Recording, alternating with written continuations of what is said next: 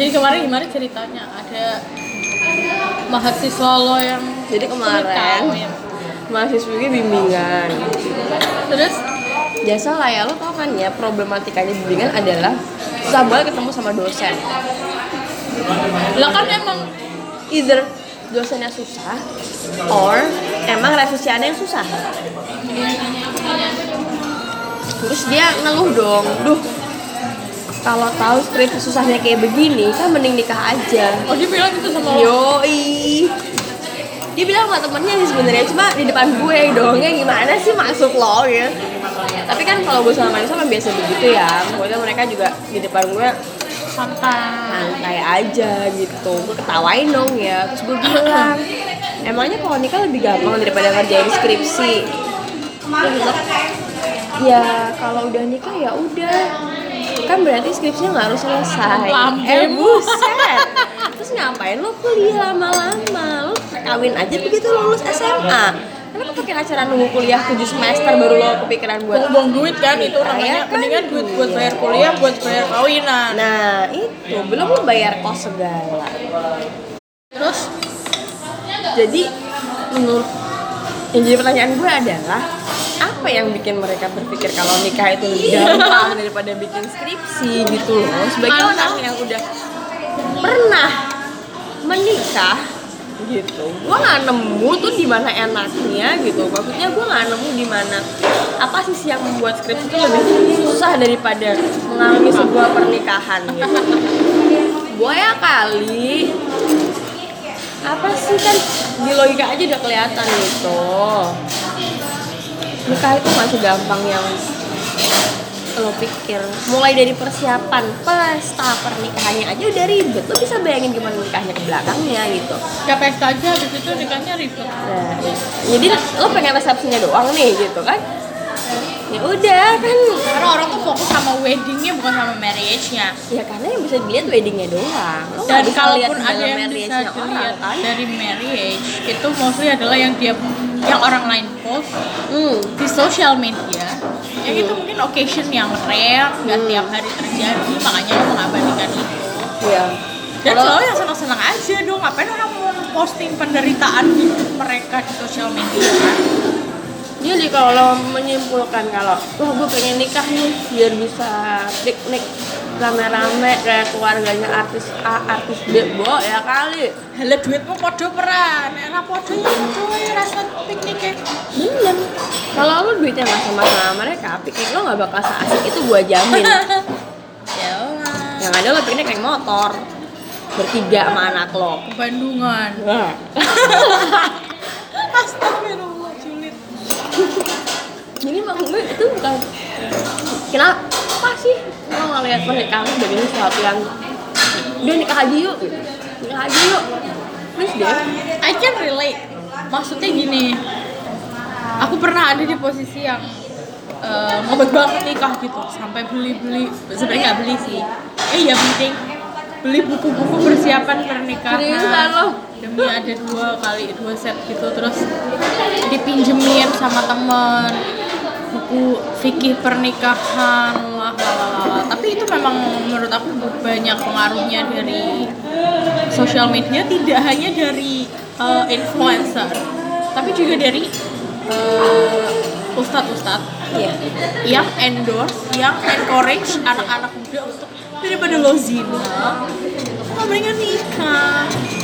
nah gue sebenarnya gimana ya? Oke lah kalau itu. Daripada zina lo mendingan nikah. Tapi lo perlu lihat dulu gitu kesiapan lo itu sejauh mana. Oh, sejauh apa sih lo ngebayangin namanya pernikahan itu? Nikah kan gak cuman enak-enak doang ya. Nah, kalau lo mikirnya kalau lo sekedar mikir nikah aja daripada zina, lo bakal berujung kayak Taki Malik sama Salma Vina Sebenarnya tahu. gini, nikah aja daripada digerebek warga.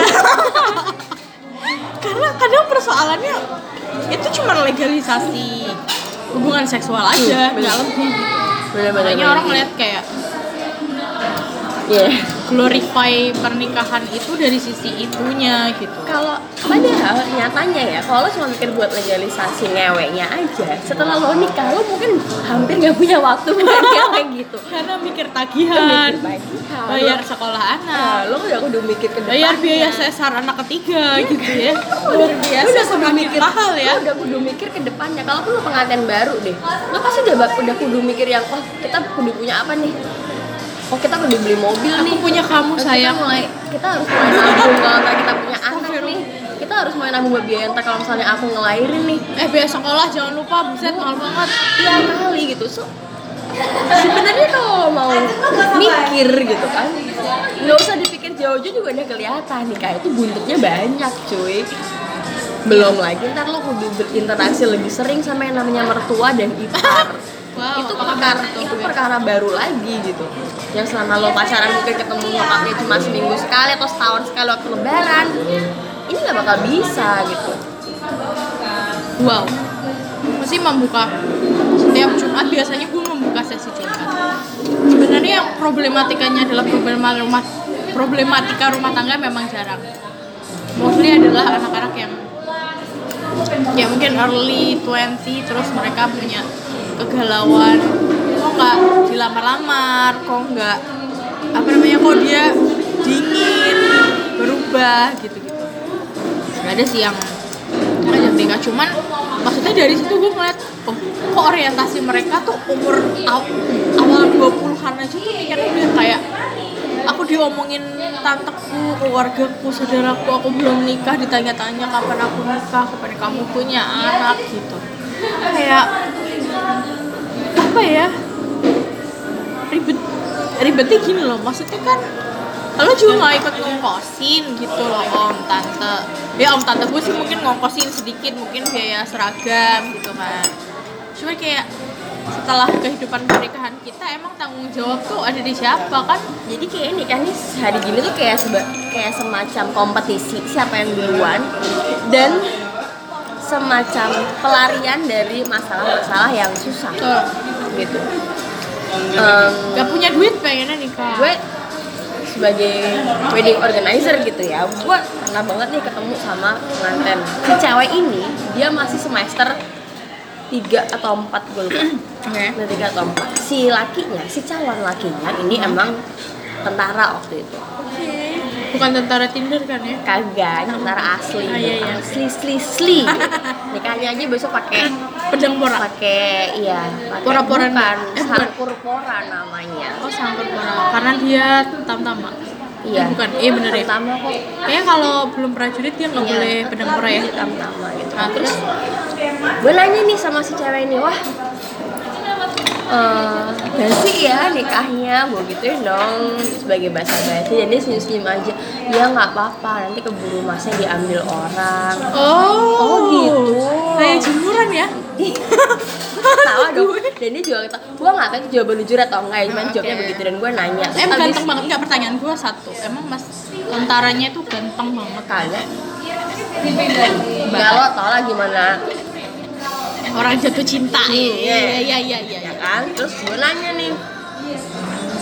Emangnya nggak ribet nanti? Hmm, kuliahnya masih lama loh gitu. Maksudnya dia bukan tinggal skripsi doang enggak. Dia nikahnya dia kuliahnya masih lama gitu. Dan gimana kalau ntar hamil di tengah jalan gitu kan? Tapi kan aku tidak hamil di luar nikah. Nah iya. Terus dia bilang gini ya udah nggak apa-apa. Nanti kalau emang ternyata punya anak terus eh, sekolahnya apa kuliahnya jadi nggak eh, jadi susah ya udah nggak usah dilanjutin aja kuliahnya. Bapak bapak. sama ibu sih bilang begitu. Wah buset. Ya elah. Eh, bapak-bapak dan ibu-ibu itulah pentingnya. Bapak dan ibu sebaiknya vaksin juga sebelum vaksin anaknya. Tolong ya. Oh, gimana sih jalan pikirannya jadi gimana sih? Gue lihat itu apa ya? Orang-orang itu encourage banget gitu loh. Udah nggak apa-apa yang penting nikah yang penting nikah yang penting nikah gitu. Dan Sedangkan buat orang tua pun itu sebuah kompetisi. Nah, itu sebuah kompetisi bener sama orang tua lain dan siapa yang dinikahin sama anaknya itu kompetisi juga. Oh, iya. iya, ya anak gua dong kawin sama tentara. Anak gue dong dapetnya dokter. Ya gitu-gitu padahal umur segitu ya menurut gue emang sih namanya kedewasaan nggak bisa dilihat dari umur Oh. oke iya tapi, tapi selalu ada tapinya gitu tapi dengan kalau kita lihat normalnya normalnya perkembangan mental di usia segitu kayak gimana sih gitu loh Betul. Apalagi anak zaman sekarang. apalagi anak zaman sekarang anak gitu. zaman sekarang jauh lebih aleman. apalagi si cewek tadi yang mau nikah sama tentara itu si lakinya ini nanti dinasnya nggak di Semarang. Sedangkan dia masih kuliah di Semarang. Jadi bagaimana maksudnya? Lo nikahin terus lo balikin lagi ke orang tuanya. Titip ya pak bu. LDM berujung coli. kalau lo nggak kuat mental ini cewek ini masih kecil. Ini masih usia pacaran nih masih usia yang Kelingi. gue pengen main ke sana ke sini. Masih usia yang kalau lo tahu kasarannya aku tuh punya suami lu nggak kayak punya suami sih. Ya kali lo jangan di kamar tentara dong. Enggak, masa gitu? lo kalau lo mau sama suami ya ikut aja ke sana kagak usah kuliah lagi. Eh, pacaran sama anak IT yang kerjain dari rumah. Atau pacaran sama mas-mas admin. Atau nggak pengangguran sekali lo makannya apa ya? jadi menurut gue terus deh jauhin tuh pikiran yang namanya nikah itu something yang kudu banget harus banget dikerjain sekarang sekarang sekarang.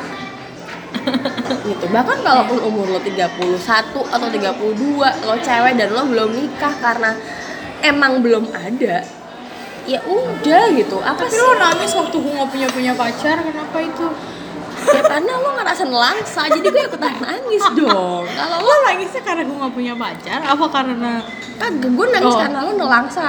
Karena oh. lo cerita ngeluh sama gue Apa? dengan Gua nelangsanya Anjay, gitu. gua jadi gue ikutan nangis. Ya gue nggak menangisi lo kagak punya pacar. Karena gue yakin kalau lo nikah pun gue nggak ja- nggak jamin lo bahagia gitu kok. maksudnya gitu kan maksudnya gue gue nggak punya jaminan gitu. iya iya Mas. siapa tahu yang sekarang ini lebih bahagia daripada besok setelah lo nikah? Iya iya man Iya kan? Jadi apa sih gue ur- pengen seneng Nah, lo sekarang. gue nggak punya urgensi mendorong lo buat nikah cepet-cepet. Ya Iya, gue ngerasain dan enak. dengan apa yang terjadi sama lo gue juga merasa Hmm. gue gak ada urgensi untuk nikah cepet-cepet. Nah benar. Gitu karena ada gimana ya? Perkembangan mental tuh emang penting kok gitu loh. Kalau lo nggak kuat mental, kalau lo ngadepin yang hal-hal remeh temeh kayak lo harus ngerjain skripsi sambil ngerjain tugas-tugas lain aja lo udah angkat tangan gitu gue nggak tahu deh gimana jalannya antar pernikahan lo gitu apa lo bisa ngerjain kerjaan rumah sambil ngurus anak. Nah, kayak gitu kan? Atau lo mau nikah aja tapi nggak mau punya anak? Eh, boleh nyawang Dian Sastro itu coba takonono ya Dian Sastro itu pembantune piro nah, barulah bandingkan film dengan Dian Sastro ha kowe mangan kowe mikir kok bayar pembantu ra kuat kuat nggak bayar daycare gitu kan? ya Lo kira bayar daycare lima puluh ribu, emang titipan mobil? makanya Kagak gitu. Jadi banyak banyak yang harus lo siapin demi sebuah pernikahan yang sehat. Oke, tapi sekarang gini, banyak banget yang encourage dengan eh, iming-iming bahwa menikah itu membuka pintu rezeki katanya gitu. Lo sebagai seseorang yang sudah pernah menikah, Rezeki tuh diusahain loh gitu. Kenapa sih namanya membuka pintu rezeki? Karena nanti akan ada anak. Yang namanya anak itu pasti punya rezeki sendiri gitu. Ya semua dan orang dicariin orang tua. semua orang yang hidup itu emang udah punya jatah rezekinya gitu. Membuka pintu rezeki maksudnya ya rezeki lo yang dua orang itu bakal jadi satu gitu kan. Iya. Double kan. Jadi yang tadinya lo punya duit, lo lah sebagai cewek deh. Yang tadinya cuma punya gaji lo, sekarang lo punya gaji suami lo juga. Itu pikiran gobloknya Suaminya begitu. yang tadinya punya gaji jadi nggak punya gaji karena duit dia jadi duit kita. pikiran itu pikiran gobloknya deh. Bagaimana kan ada anak, ada rezeki ada rezeki suami, ada rezeki anak. Menurut gue sih itu yang dibilang sebagai membuka pintu rezeki gitu kan. Yes. Iya makanya gue ya gue setuju-setuju aja silahkan tapi perlu lo tahu kalau yang namanya perlu diingat juga kalau rezeki itu tetap aja diusahain Dol. rezeki itu diusahain semakin lo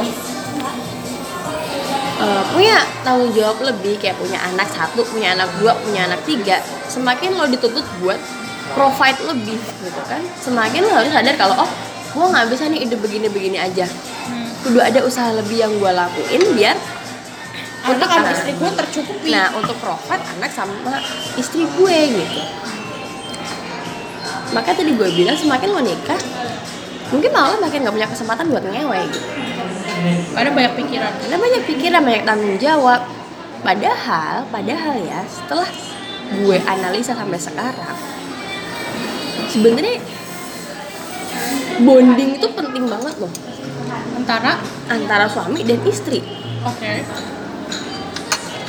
Sayangnya semakin lo punya banyak tanggung jawab semakin banyak hal yang perlu lo pikirin dan lo siapin Nggak lo punya semak- intimate ah, time. lo semakin kekurangan waktu buat bonding sama pasangan lo. Nggak usah lah kita ngomong liburan ala ala artis yang ke mana-kemana atau kayak anak Ashanti yang ke Brazil tanpa anak-anak nggak perlu gitu. Waktu-waktu buat ngobrol berdua kayak pillow talk dari kasur gitu kan eh sambil di tengahnya ada anaknya? sambil gelisah nggak apa-apa gitu kan nggak apa-apa Oh iya, oke, ya kan oke. nggak apa-apa. Asal mungkin anaknya udah tidur kayak atau sambil anak-anak sambil nonton anak-anak main. Itu untuk menurut gue Makin langka. amat nih kayak begitu tuh makin penting. Sebenarnya penting banget dan kudu emang kudu harus dipertahanin gitu. Karena setelah nikah apa sih gitu kan teamwork kayak kerja di proyek aja harus ada rapat koordinasi Nah, sama kan? Menurut gue semua hubungan itu gak berawal dari komunikasi. Gimana lo tahu apa yang kurang dari rumah lo, apa yang bagus dari rumah lo? Kalau lo nggak punya waktu buat discuss itu sama pasangan lo gitu. Ya kan? Lo pacaran aja lo minta di WhatsApp tiap waktu. iya. Giliran lo nikah, ah, giliran lo nikah, lupa. Lupa ya kan?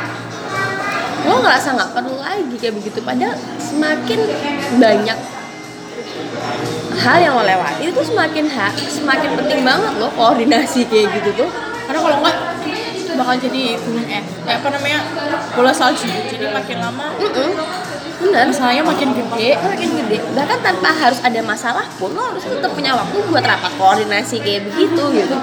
Iya iya. Ya kan sekedar sekedar ngobrol. Eh ngapain tadi di rumah? Eh ngapain tadi di kantor? Gimana tadi di rumah? Gimana tadi di kantor dan orang sering meremehkan pertanyaan itu. Iya kan? Sekarang tuh katanya orang pengennya diajakin ngobrolin soal ruang angkasa alien gitu. Kampret banget. sekarang katanya nggak mau nggak mau siapa? siapa? siapa? gitu. siapa? Eh, lah gue mah dulu gue gue masih menikmati obrolan yang kayak begitu begitu loh. Maksudnya yang sekedar gimana tadi di kantor? Hari ini ngapain Hari aja? ngapain aja? Bagus-bagus kalau selama lo kerja lo masih sempet ngechat pasangan lo ya kan? Iya, ya lo tau gak sih? Tahu gue. Iya kan? Kayak zaman gini deh orang pacaran aja minta di WhatsApp yang saya makan siang ya saya makan siang di mana? Kenapa setelah lo nih kalau menganggap sekarang semua? tuh ada yang namanya SJW WhatsApp. SJW WhatsApp itu adalah mereka-mereka yang tidak mau ditanya hal-hal kecil kayak udah makan belum? Lagi di mana? Gitu nggak mau. Oh iya baiklah. Maunya ditanya kamu tahu nggak rumus diferensial. Anjir. Gitu. Gua nggak mau ketemu orang begitu. Kayak gitu gitu. Menurut gue bondingnya nggak boleh nggak boleh putus gitu. Selain itu juga kayak lo harus mulai belajar nikah itu sebenarnya kayak sejauh apa sih lo bisa ngandalin ego lo? Wow. Itu susah loh menurut gue maksudnya jangan kan ego sama pasangan pasangan tuh kan bukan siapa-siapa kita gitu ya. Hmm. gue aja kadang mengalahkan ego gue sama nyokap aja susah. Iya. Itu padahal nyokap gue gitu. Iya. Maksudnya orang yang menyerahkan hidupnya eh, untuk ngurusin gue gitu. Masalah pernikahan tuh banyak loh gitu kan. Bukan cuma sekedar selingkuh. Iya kan? Finance. Sih itu juga merupakan salah satu masalah pernikahan yang sering banget dihadepin gitu. Ya kan? Oke lah kesetiaan finance hubungan dengan anggota keluarga yang lain. Kayak yang tadi gue bilang antara ipar dan mertua. Itu bisa jadi salah satu faktor yang mengganggu rumah tangga lo. Juga lo siap nggak menghadapi masalah-masalah kayak begitu? Mungkin awalnya waktu lo masih pacaran eh, nyokapnya pacar lo tuh baik banget sama lo ya kan? Terus setelah nikah belum tentu Bener-bener. gitu. Kecuali lo emang tinggal jauh di luar nah negeri lo pindah iya negara. nggak ketemu ipar nggak ketemu mertua. Orang ketemu setahun sekali lebaran aja masih ada cekcok masih ada cekcoknya masih ada masih ada aja yang perlu dikritik. Gimana kalau tinggal deketan gitu kan? Apalagi tinggal bareng apalagi kita bareng mertua nah itu lu siap nggak gitu. Menurut gue sekali lo nikah lo keluar dari rumah orang tua lo. Itu sebenarnya kunci pertamanya. Sekali lo nikah keluar dari rumah orang tua lo. Apa pun orang tua lo alasan orang tua lo kasih lo harus kekeh buat keluar dari rumah orang tua lo. Jadi lo siapin deh tuh rumah dulu sebelum lo nikah. Biarpun tuh rumah itu nggak ada isinya isi cuma kasur lipat sebiji buat tidur berdua. Yang penting itu rumah lo itu. Lo nggak tinggal di rumah orang tua lo. Sebenarnya menurut gue kuncinya di situ. Kontrak apartemen aja Iya boleh. Kalau punya duitnya tuh bagus banget, nyaman banget itu udah. Menurut gue sih itu. Seenggaknya itu membatasi intervensi intervensi dari orang lain ke rumah tangga lo. karena lo kan awal-awal tuh kan kayak masih baru perkenalan Hmm. walaupun lo misalnya katakanlah udah pacaran sekian tahun Hmm. tapi kan tidak dalam frame pernikahan tuh lo nikah masih banyak hal yang harus di adjust Bener. berdua Nah, yang tadinya dua kepala nih harus benar-benar jadi satu. Nah. Itu prosesnya susah banget. Kalau ada intervensi dari kepala lain, gimana jadinya? gitu lo bisa bayangin kan. Jadi sebelum mau nikah, make sure deh lo siap secara finansial ya karena beli rumah itu hubungannya sama finansial ya. Lo siap nggak gitu sama tanggung jawab yang begitu? Pak gue juga eh, berpesan gitu ya. Jadi eh, kalau milih calon suami eh, ada sebenarnya lima faktor yang menjadi pertimbangan. Kalau nggak salah kalau gue nggak salah ingat ya yang pertama adalah eh, moral. Kemudian eh, sosial. Sosial itu artinya maksudnya latar belakang keluarganya terus pendidikan. Pendidikan itu juga penting. Terus satu lagi gue lupa satu lagi apa tapi yang terakhir adalah finansial jadi eh, tapi di antara lima ini dua yang paling penting adalah moral dan finansial. Jadi ujung pangkalnya ini. Karena kalau orang miskin pasti deket sama kufur. Iya, bener, gitu. Bener. kalau orang kaya nggak beriman juga jadi yang selingkuh lah nyutek macem-macem lah. Jadi tuh dua hal itu yang jadi patokan utama ketika kita memilih calon pasangan. Iya, bener. dan terbukti kan karena memang Bukti, kalau dibilang kayak Gue gue gue ngebuktiin banget tuh urusan yang finansial sama moral ini. maka cinta apa apa dia bilang maksudnya nggak usah aku rela hidup sama kamu nggak usah kaya nggak usah berlimpah-limpah uang tapi kalau mau beli terios ya ada duitnya. Hmm.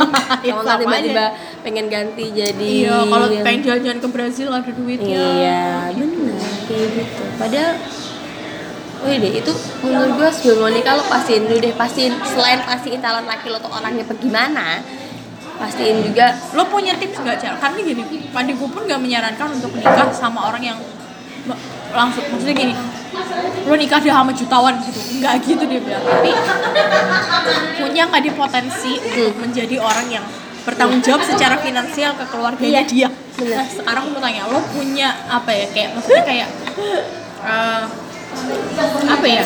Kayak tips untuk ngelihat ada nggak sih gejalanya orang nih bakal jadi orang yang males atau dia bakal jadi orang yang bertanggung jawab mungkin hal-hal kecil yang menunjukkan tapi nggak kak maksudnya tadinya mungkin nggak kasat mata begitu oh ternyata firasat gue waktu itu benar. Dia tuh orangnya begini ternyata setelah nikah emang orangnya begitu gitu. Menurut gue lihat dari kebiasaan kerjanya sih etos kerjanya gimana? Oke. Menurut gue karena etos kerja itu sangat-sangat berkaitan sama yang namanya tanggung jawab gitu. Oke tanggung jawabnya dia di kantor tanggung jawab di tempat kerja kalaupun dia punya bisnis sendiri. Ya.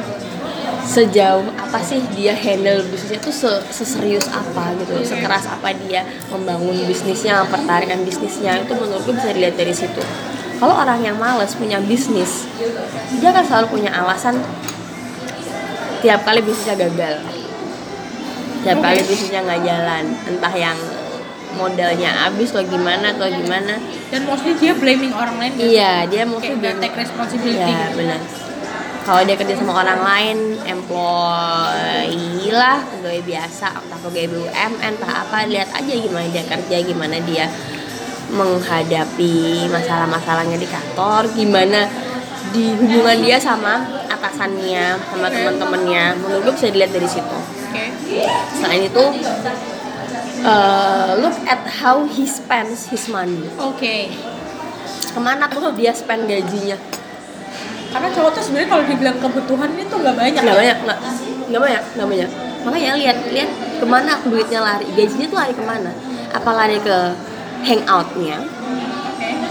Atau lari ke mana nih Hobi ke misalnya. hobi atau lari ke mana ke mobil atau lari ke orang tua atau lari ke investasi jadi lihat lihat gimana dia spend his money gitu Oke.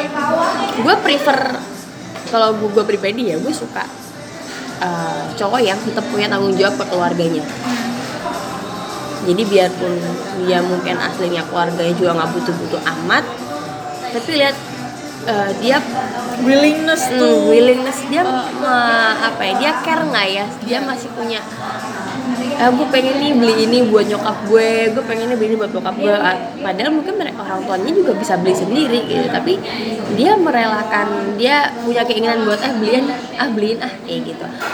Gue prefernya begitu karena itu dia masih punya rasa tanggung jawab gitu. Dia masih punya keinginan membahagiakan orang lain bukan cuma pacarnya ya jadi nggak cuma traktir pacarnya ke sana ke sini tapi dia sama sekali nggak kepikiran buat eh, baik sama orang tuanya sama adiknya sama kakaknya kayak begitu gue gue tipe tipe orang yang kayak family man gitu loh jadi lo lihat deh gimana ya tadi gimana dia tempat kerja dan gimana dia spend his money menurut uh, menurut kata gue sih gitu Oke. Kalau moral mungkin lebih ini kayak maksudnya lebih kasar. Cuman Hmm. kan ad- selalu ada kemungkinan orang tuh terlihat baik di depan Iya. pacar tapi Hmm. menyembunyikan banyak hal di belakang gitu.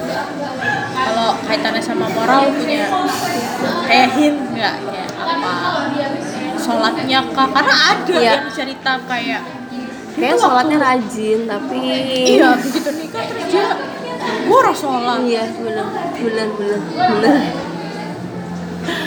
aduh boy itu gimana ya Tapi kan ada orang yang bilang bahwa kalau misalnya ukurannya sholat, di, sat- sholat itu satu hal, maksudnya Hmm. dia menjalankan ritual sholat Iya. itu satu hal.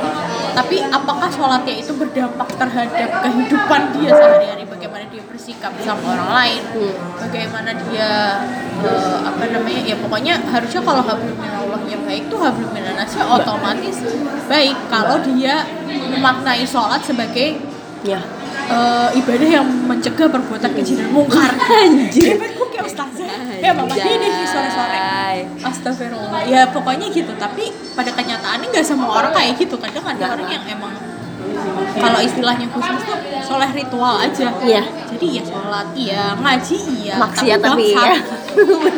bener banget ada yang begitu gitu tapi itu balik lagi pribadi sih sejauh mana lo bisa mentoleransi Oke.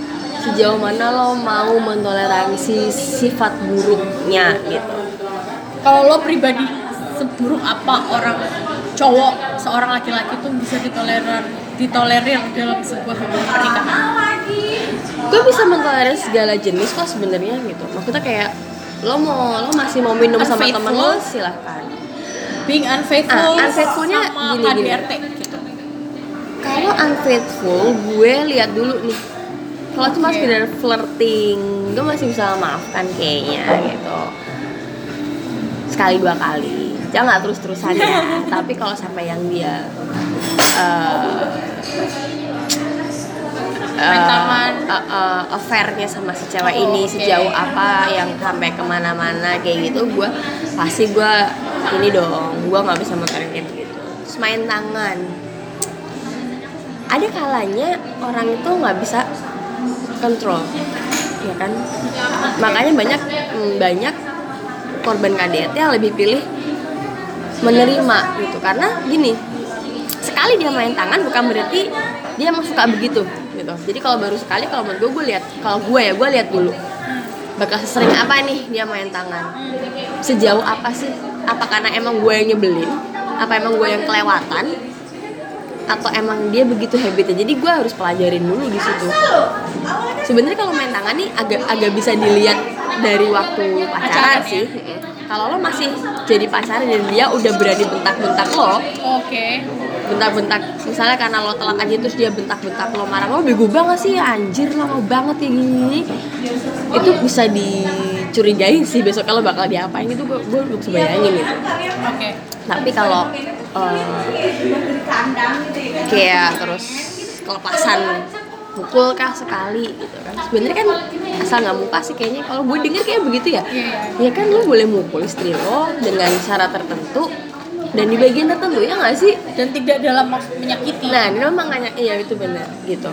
Jadi ya lo sebagai perempuan kalau punya suami yang begitu lo lihat dulu sih, lo nya bagaimana gitu. Baik lagi baik balik dulu kalau nya kalau gue sih begitu. Gitu. introspeksi dulu lah ya masih dulu benar. Kalau emang udah begitu terus, apalagi sampai ntar lo punya anak dan anak lo ikut kena imbasnya, baru mungkin lo bisa pikir-pikir lo ah, ini ini orang ini nih salah nih salah salah. Either lo yang harus pergi atau dia yang harus diobatin. Gitu iya iya iya gitu terus mau apa lagi ya itu sebenarnya as long as dia masih bisa menunjukkan tanggung jawabnya sih gue cenderung yang menerima. menerima gitu. Kalau gue sih ya gitu.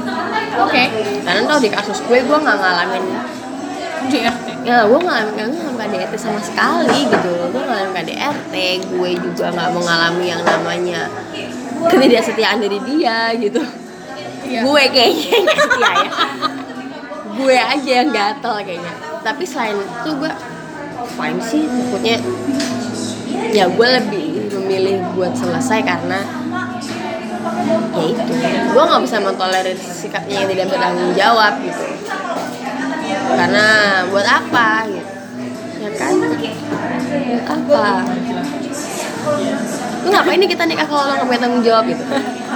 Nggak bisa menjalankan dan tidak ada kesempatan maksudnya eh, kecuali misalnya dalam rumah tangga lo punya kesepakatan bahwa oke gue cari kerja lo di rumah ngurus anak misalnya iya kayaknya cari kerja yang ngurus anak gitu oh gimana siapa sih Iya itu nggak ada yang begitu. Jadi karena itu nggak ada yang begitu, jadi gimana ya? Mungkin, ketika mungkin gini nih, mungkin temen gue pernah bilang nih, makanya mbak disarankan nikah itu sama yang sekufu. oke sekufu ini Sekufu ini dalam artian gini, selevel. Iya selevel pendidikannya, ya selevel latar belakang, pokoknya budaya keluarganya, perekonomian keluarganya gitu. Jadi jadi Bener kan nggak jadi nggak ada yang namanya ketimpangan sosial ekonomi. Eh, sosial ekonomi nih gitu. Karena itu berdampak banget loh gitu.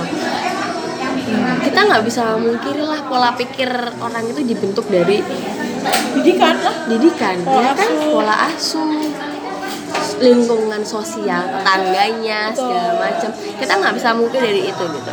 Kecuali lo kebanyakan nonton FTV gitu ya. Nah itu dia. Tukang somai kamu Nah. sama kang parkir macam asal tukang parkirnya ganteng aja gitu. Nggak bisa kayak begitu. Jadi maka kalau gue pikir-pikir oh bener juga. Bener apa yang dibilang at least selevel. Iya. Bukan berarti kalau lo uh, S2 terus istri, gue tuh, istri harus tuh. S2 juga enggak. Bukan bukan kayak begitu. At least pola pikirnya sama gitu loh. At least pola bisa pikirnya diajak sama. berdiskusi yang Bisa diajak- seimbang ya, gitu. ya. itu dia. Dia bisa keep up sama iya iya. uh, pola pikir lo sudut pandang lo kayak gitu. Karena menurut gue begitu sih. Semakin semakin lo kau udah beda sudut pandangnya udah udah udah susah deh. Beda sudut pandang beda visi itulah kenapa gue membuat list pertanyaan untuk bakal calon suami. Beda beda misi satu visi aja itu udah susah gitu. Lo bisa ya bedain kalau visinya aja udah beda gini. Kita Oke. punya satu tujuan nih. Gue lewat sini lo lewat sana. Itu jadi susah. Bagaimana ceritanya gitu kan? Yang namanya nikah itu mau lo bisa sepakat. Lo mau lewat jalan yang mana? Lewat A lewat B atau kita mau bikin Karena jalan baru? cuma satu nih. kapalnya cuma satu. Tujuannya di sana. Kalau lo jelas diri sendiri ya nggak usah nikah. Ngapain? Bener-bener. Karena susah juga kayak kalau misalnya lo mau ke tujuan sana kita naik kapal motor dan naik ketek. Nah. gitu. itu juga susah. Iya kan, gue gue udah sampai mana, lo di mana gitu. Jadi itulah. Hmm, salah satu alasan kenapa gue akhirnya juga hmm, memilih buat menyelesaikan pernikahan yaitu karena kita udah beda nih. Kita udah beda jalan pikirannya, kita udah beda misinya. tapi itu emang bener bisa terjadi di tengah jalan ya Bisa, bisa banget, bisa. Karena eh, mungkin People change. Nah, people change, bener. People change dan makanya tadi gue bilang setelah lo nikah pastiin lo tuh punya waktu buat komunikasi. Jadi lo tahu nih, koordinasi jadi lo tahu pasangan lo ini melenceng nggak sih dari tujuan yang sebenarnya Oke. kita kita masih share the same vision Iya, nih iya, kita iya, masih ada di kapal yang sama nggak nih atau jangan-jangan lo udah siap-siap mau terjun ke buat pindah kapal yang lain atau lo mau berenang Nah, kalau mau berenang ke sana gitu. Lo mau pakai kecepatan yang mana nih kayak gitu. Yes, yes. Ya kan setelah kita analisa sendiri kan kita oh ya ternyata emang benar itu penting hal-hal kayak begitu tuh. Dan setelah lo nikah besok, janganlah menghindar dari obrolan yang begitu-begitu gitu. Jangan menghindar dari aku "Ah, capek, mau sih capek gitu. Jangan gitu. Ya setelah lo nikah lo mau ngomongin apa? Kalau bukan kayak begitu-begituan, lo mau ngomongin apa kalau bukan besok anak kita gimana ya? Kita mau buka tabungan pendidikan ya nih, ya kan? Jangan malah menghindar dari obrolan-obrolan yang kayak begitu. Kalau lo menghindar dari obrolan yang kayak begitu, lo mau ngobrol apa sama pasangan lo? Lo mau ngobrol harga cabai di pasar kan juga nggak mungkin. kan ngobrolin variasi gerakan Jadi SKJ ya itu gitu jangan jangan menghindar dari obrolan yang begitu dengan alasan apa pun lo lo capek apa pun toh lo diajak ngobrol kok bukan disuruh koprol ya dan maksudnya itu ya emang itu makanannya orang nikah sehari-hari. Iya asal lo tahu aja gitu. Obrolan nikah tuh nggak harusnya nggak jauh-jauh dari sana karena itu menyangkut visinya ke depan. Jadi obrolan gue itu harus gitu. Jangan cuma diomongin di awal doang. Terus gue tuh kadang suka terganggu gini sebenarnya bukan terganggu sih lebih karena ya itu gue gue tau lah untuk uh, for the sake of the feeds gitu ya feeds Instagram lah feeds sosial media lah orang cenderung untuk menunjukkan semua yang bahagia walaupun iyalah. captionnya dia akan ngomong bahwa gue berantem namanya Iya. rumah tangga itu pasti ada lah lah lah lah Nah. kayak gitu. Heeh. kayak nggak real aja gitu karena gimana ya kita mau nge-share yang jelek juga toh kita nggak boleh ngumbar aib rumah tangga Oh, iya, keluar. Oh, iya, ya juga. kan jadi menurut nggak usah gue, main sosial media jangan lo belajar kehidupan dari sosial media. You will not learn anything from it kecuali how to take foto yang bagus. Ya nggak ada. atau being inspired maksudnya in a good way ya. Nah iya. Ya. benar. Satu dan dua hal. Mm-mm. kayak mau di Ayunda posting fotonya wisuda itu inspiring gitu. Iya iya. Iya kan iya kan? Iya. Dian Iya. Sastro posting foto liburan itu inspiring. Menginspirasi lo buat jadi kaya. Iya benar benar. Nah, ya jadi maksudnya apa sih? Maksudnya cara ngelihat silver Hmm. liningnya yang mesti di mesti di adjust gitu. Jadi Karena jangan- orang pasti akan jangan akan asal- sesuatu yang happy di jangan asal beranggapan kalau oh gue pengen nikah biar bisa kayak dia bisa kayak dia. No laki lo aja bukan lakinya dia. Nah Lo aja bukan dia. gimana lo bisa punya pernikahan yang kayak dia gitu? Nggak ada pernikahan yang bener-bener sama persis menurut gue. Bahkan dengan kasus yang sama kayak gue akhirnya bisa beda. Ya. Ya kan dia bisa berjalan terus sampai ntar mati mungkin. Dengan gue udah selesai sampai di sini. Gitu. Jadi ya janganlah janganlah belajar pernikahan dari sosial media. Tapi lo sempet gitu gak sih? Apa? Kayak silau sama postingan sosial media. Hmm. entah siapa. Iya dong jelas dong. Gimana? Oh. Oh nikah umur berapa sih ya? Gue nikah umur dua. Satu. Dua satu satu tuh tahun 2011 eh. Dan itu kayaknya awal-awal sosial media. Nah, jadi gue sebenarnya gini ya gue masih pakai Facebook gitu kalau nggak salah dan untungnya di zaman gue nikah teman-teman gue belum ada nikah Oke. jadi timeline gue tuh isinya belum yang sebegitunya gitu Oke. terus beberapa tahun kemudian mulai itu pada nikah pada punya anak dan gue menemukan kalau wah kehidupan mereka lebih baik daripada hidup gue gitu Karena mereka menikah. iya kalau kita setelah mereka Setelah menikah mereka menikah ya. kok kehidupan lebih baik ya terutama dari segi yang bisa dilihat apa sih? Materi ya kan? Kayak mereka akhirnya udah pindah ke rumah sendiri mereka punya mobil sedangkan gue enggak. Itu sebenarnya Trigger. Eh, itu trigger loh itu itu trigger gitu. Gue di umur segitu yang hasil gue lihat temen gue seneng gue masih punya rasa iri, gitu. Ya kok gue enggak sih? Wah ini salah siapa nih? Salah laki gue nih kayaknya nih. Kok kerjanya begitu sih? Kenapa laki gue nggak kerja kayak lakinya si ini aja? Jadi bisa beliin gue mobil jadi gajinya gede. Gue sempat punya pikiran kayak begitu. Iya jelas. Menurut gue itu manusiawi. Iya siapa yang nggak pengen gitu kan? Cuma yang salah adalah gue terus menca ah, mengambil mengambil kesimpulan gue menyalahkan orang lain gue menyalahkan keadaan gue menyalahkan diri gue sendiri kenapa kok nikahnya sama ini nggak sama yang itu kayak gitu kan padahal itu sesuatu yang menurut gue bego banget kalau dipikir sekarang itu bego banget gitu ya kan akhirnya gue. Nah, akhirnya gue apa? Gue selalu merasa, gue selalu merasa kecewa gitu. Karena ternyata nggak sesuai sama ekspektasi, apalagi dibandingkan sama orang lain kayak gitu. Nah itu sebenarnya yang trigger buat jadi lebih buruk gitu loh. Akhirnya gue terus cari pelarian, ya kan? Dengan gue cari pelarian, gue jadi nggak, gue jadi lupa komunikasi sama suami gue ya kan suami gue pun gue paham rasa gue paham perasaannya sebagai laki-laki ya gitu suami gue pun juga pasti merasa kok begini gitu. Cuma dia sendiri nggak ngerasa punya kekuatan buat do something. Karena dia ngerasa lah gue juga gimana ya? Nah iya itu. melakukan kewajiban nah gue itu. Gitu loh. Jadi trust me nikah itu nggak se nggak seenak kedengarannya nggak seindah pestanya. Bener-bener. Nah lo nyiapin pernikahan, nyiapin pesta nikahan aja bisa ribut sama laki lo, sama calon laki lo. Lo bisa bayangin setelah lo nikah harusnya. Nikah mah semalam doang. Persiapan paling lama berapa lah? Tiga bulan Nah, tahun marriage-nya itu Marriage bertahun-tahun kan? Gitu loh. Mampu nggak lo? Bisa nggak lo? Gue yakin orang setelah menikah pasti belajar. Makanya people change. Yes. Tergantung sama yang mana nih change-nya. Lo bisa change ke arah yang mana gitu. Bahkan bisa ke arah yang lebih buruk ya. Bisa bisa lah. Manusia kan. Hatinya aja kita bisa dibolak balik yes.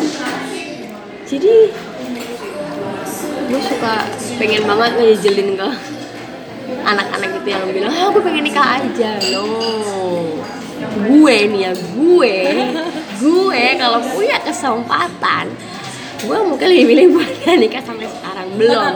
Belum ya. Belum. Gue aja kaget lo terus terang lo nikah. Gue yang wah apa ya? Kalau gue lihat keadaan gue sekarang gitu gue pasti kalau misalnya gue belum nikah gue kan belum nikah sampai sekarang sampai di umur gue ini gue pasti belum nikah. Karena gue nggak menemukan gue ada di posisi yang sudah settle. Ya moral dan financial. Gue masih suka seneng-seneng gue masih suka jalan gue masih suka do absurd kayak tiba-tiba belok ke toko buku nggak balik-balik kayak suka-suka gue suka tiba-tiba dan pengen nyokap gue sering mempertanyakan kayak emang dia nggak punya anak? Gitu kayaknya tuh kayak emang anaknya siapa yang ngurusin? Gitu mah iya karena gue tuh gue masih suka begitu gue masih suka ngelakuin apa apa sendiri gitu. Dan secara finansial gue belum settle. Dan gue nggak bisa kalau lo nggak kalau lo minta cowok datang ke rumah lo dengan keadaan yang udah settle lo harus bisa ya lo ngaca ngaca. Settle dulu, gitu. maaf maaf memang aja. Biarpun nantinya mungkin lo harus resign karena suami lo pengen lo di rumah itu urusan nanti. Kalau super duper cantik gitu ya. Nah lo kayak harus settle dulu settle moralnya settle mentalnya. Settle kecantikannya. Settle kecantikannya oke. Sumpah mujis banget ya Allah. Kalaupun lo emang dari awal nggak pengen kerja ya lo komunikasiin lah benar-benar harus diomongin dari awal disepakati siapa yang cari uang siapa mau cari uang gitu bagaimana pembagian kewajiban Nah, bener. Nanti kalau misalnya aku nggak kerja, eh, gaji kamu cukup nggak nih buat kita? Kita masih punya sisa untuk tabungan nggak dari gaji kamu? ya Kalau beda kasus kalau Risa setelah punya anak ya gitu. Karena gue yakin emang sebenarnya lebih enak kalau udah punya anak tuh sebenarnya enak emang enak resign gitu. Kalau Iya. kasihan anak lo sebenarnya gitu loh. walaupun kakak ipar gue ban dua-duanya yang perempuan bekerja malah malah kakak gue yang nggak kerja dari dulu Ya nggak apa-apa sih gitu. Itu kan ya tapi maksudnya gitu eh, yang penting jelas gitu Nah, jelas dan, dan dia dan menurut gue masih sanggup kok dan mengurus tahu itu rumah tangga walau nggak dengan tangan dia sendiri gitu loh Iya bener. Rencananya, iya. planningnya bagaimana Planning itu udah gimana? harus diomongin dari awal. Jadi jangan cuma jangan cuma ngomongin yang enak-enak aja. Ntar gimana ya, ntar gimana jangan cuma begitu. dan berandai-andai itu jangan yang bagus-bagus gitu hmm, bener, bener. jangan, yang Jangan cuma jangan cuma pengen gitu jangan cuma pengen fairy tale wedding doang. Nah, Marriage itu juga harus sebenarnya lo harus menciptakan suasana fairy tale di marriage lo gitu. happily ever gimana caranya supaya happily ever Iya, after? gimana caranya biar happily? Cinderella mungkin nggak bayar tagihan gitu kan tapi ya kita nggak pernah tahu siapa tahu di tengah-tengah cerita Cinderella tuh Kalau pangerannya selingkuh gitu kan kalau dibilang main tangan nah kalau dibilang kok kesannya nih kayaknya jadi matre banget sih loh finansial salah satu faktor yang mendukung bahagianya pernikahan loh. Kalaupun tidak banyak harus stabil. Karena butuh. Nah banyak atau enggak itu relatif. Bukan cuma masalah kepengen aja gitu ya. Tapi at, masalah kebutuhan. tapi at least itu itu stabil. Perekonomiannya stabil. Bener bukan yang nggak stabil. Ya iya sih bukan yang dan jajan di Transmart belanja bulanan di Transmart gak bisa dibayar pakai cinta. Nah itu dia. Jadi harus pakai duit. Kan gue belum jangan kan di transfer Coba di sih. pasar tradisional aja nggak bisa cuy. ya kali. Kecuali yang jual emak lo. Benar jadi uang bukan segalanya. Nah, tapi segalanya butuh uang. segalanya butuh uang. Benar benar ya kan? Lo bisa ngerasa insecure eh lo bisa ngerasa secure lo bisa ngerasa nyaman di pernikahan karena apa? Karena lo ngerasa semuanya stabil. Lo ad- lo ngerasa ter- kebutuhan lo terpenuhi. Iya kebutuhan materi ya kebutuhan rohani. rohani ya kebutuhan jasmani. Gitu kan? Yes. Akan jadi sama kalau duit lo laki lo duitnya banyak tapi nggak pernah ketemu sama lo dan nggak punya waktu buat lo itu juga nggak enak Hmm, jadi harus suami tahu. lo sangat sangat cinta sama lo Tapi perhatian duit. tapi nggak punya duit itu juga salah. Jadi harus balance. Harus balance. Make sure makanya make sure make sure itu duitnya stabil dan lo nya juga stabil. Mental lo tuh udah settle belum? Yes. oke madam. Terima kasih ngobrol-ngobrolnya. Siang hari ini sangat bermanfaat sekali. Semoga kita bisa ketemu ya Allah ya elah kayak nggak pernah tahu Kayak mau semoga kita bisa ngobrol-ngobrol lagi di obrolan yang lebih sulit dan lebih berfaedah. Amin. Dadah